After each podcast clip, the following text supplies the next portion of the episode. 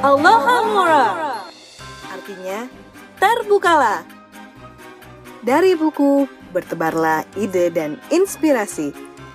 Suka baca buku? Pengen dapat inspirasi dan ulasan buku yang menarik untuk dibaca? Semut-semut klub baca akan menemanimu bertualang di dunia literasi penikmat buku dan bacaan edisi Oktober 365 hari Suara Semut. Selamat mendengarkan.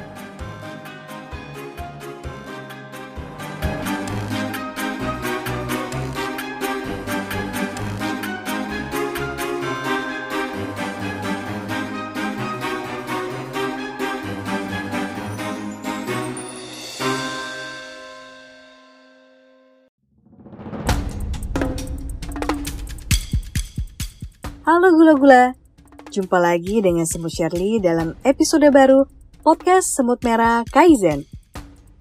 Apakah gula-gula pernah nonton Avatar? Bukan yang biru ya, tapi yang botak dan ada tato anak panah di kepalanya. Avatar The Last Airbender adalah salah satu serial animasi paling laris pada masanya. Kental dengan konflik kemanusiaan, intrik politik yang pelik, pengembangan setiap karakter, yang diceritakan dalam alur menarik, serta elemen lainnya yang membuat serial ini masih digemari hingga hari ini. Eng kemudian dilanjutkan ceritanya oleh Korra dalam tajuk Avatar The Legend of Korra. Korra, avatar baru yang mencari jati diri di tengah gempuran modernisasi dan maraknya perkembangan ideologi anyar. Eng dan Korra punya legenda mereka masing-masing. Tapi kita tidak akan membahasnya hari ini. Ada satu avatar yang hidup jauh sebelum Eng lahir, dan namanya adalah Kyoshi. Tidak seperti Eng dan Korra, legenda Kyoshi dituturkan dalam bentuk novel. Bukan satu, tapi dua novel, dengan tebal buku sekitar 400 halaman. Semut Fauzi sebagai kontributor episode ini berhasil membaca keduanya dalam kurun waktu seminggu loh. Buku pertama berjudul The Rise of Kyoshi. Long story short, setelah masa avatar kuruk berakhir dengan tragis, orang di kerajaan bumi mencari avatar baru selama bertahun-tahun. Hingga akhirnya, seorang earthbender tangguh bernama Yun didapuk sebagai avatar. Lantas, gimana dengan Kyoshi? Kyoshi justru menjadi teman sekaligus pembantunya.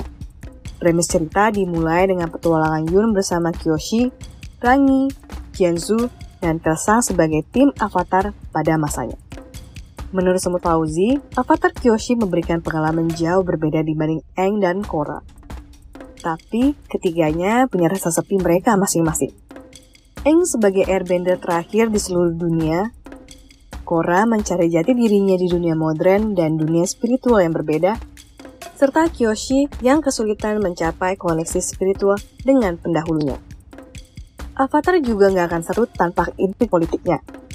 Di buku ini, Kyoshi harus menghadapi pemimpin korup di kerajaan bumi, keluarga yang memperebutkan kekuasaan di negeri api, dan juga geng teroris yang menghancurkan kota.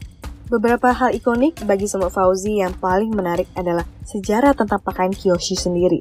Seperti kenapa dia menggunakan baju hijau dengan pelindung dada, juga dua kipas kuning yang terselip di ikat pinggang dan selalu menemani selama bertarung dengan lawan-lawannya. Serta bagaimana ia memiliki ciri khas seperti berdansa ketika melakukan earthbending dan kemampuan dust stepping yang tidak kita temukan dari Toph, Bumi, earthbender lain, ataupun avatar lainnya.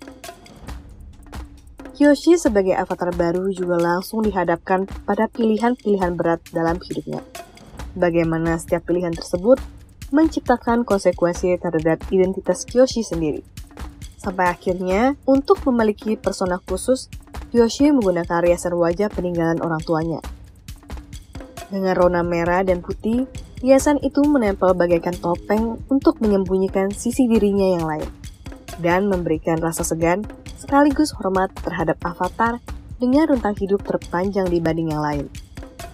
Jika benar difilmkan, Kyoshi mungkin akan jadi tandingan baru untuk serial Eng dan Korra. Selain menonton serialnya berulang kali dan mengoleksi novelnya, Semut Fauzi juga nggak sabar buat nonton film Kyoshi. kalau benar dibuat, tahun 2025 akan ada serial Avatar baru yang berjarak 100 tahun dengan Korra. Wah, pasti bakal seru banget. Sebelum episode senior ini ditutup, kita mau kasih bocoran kalau nanti akan ada dua episode lain yang membahas cerita lanjutan Kyoshi dan cerita Avatar sebelum Eng. Jadi, jangan sampai ketinggalan ya. Bye-bye!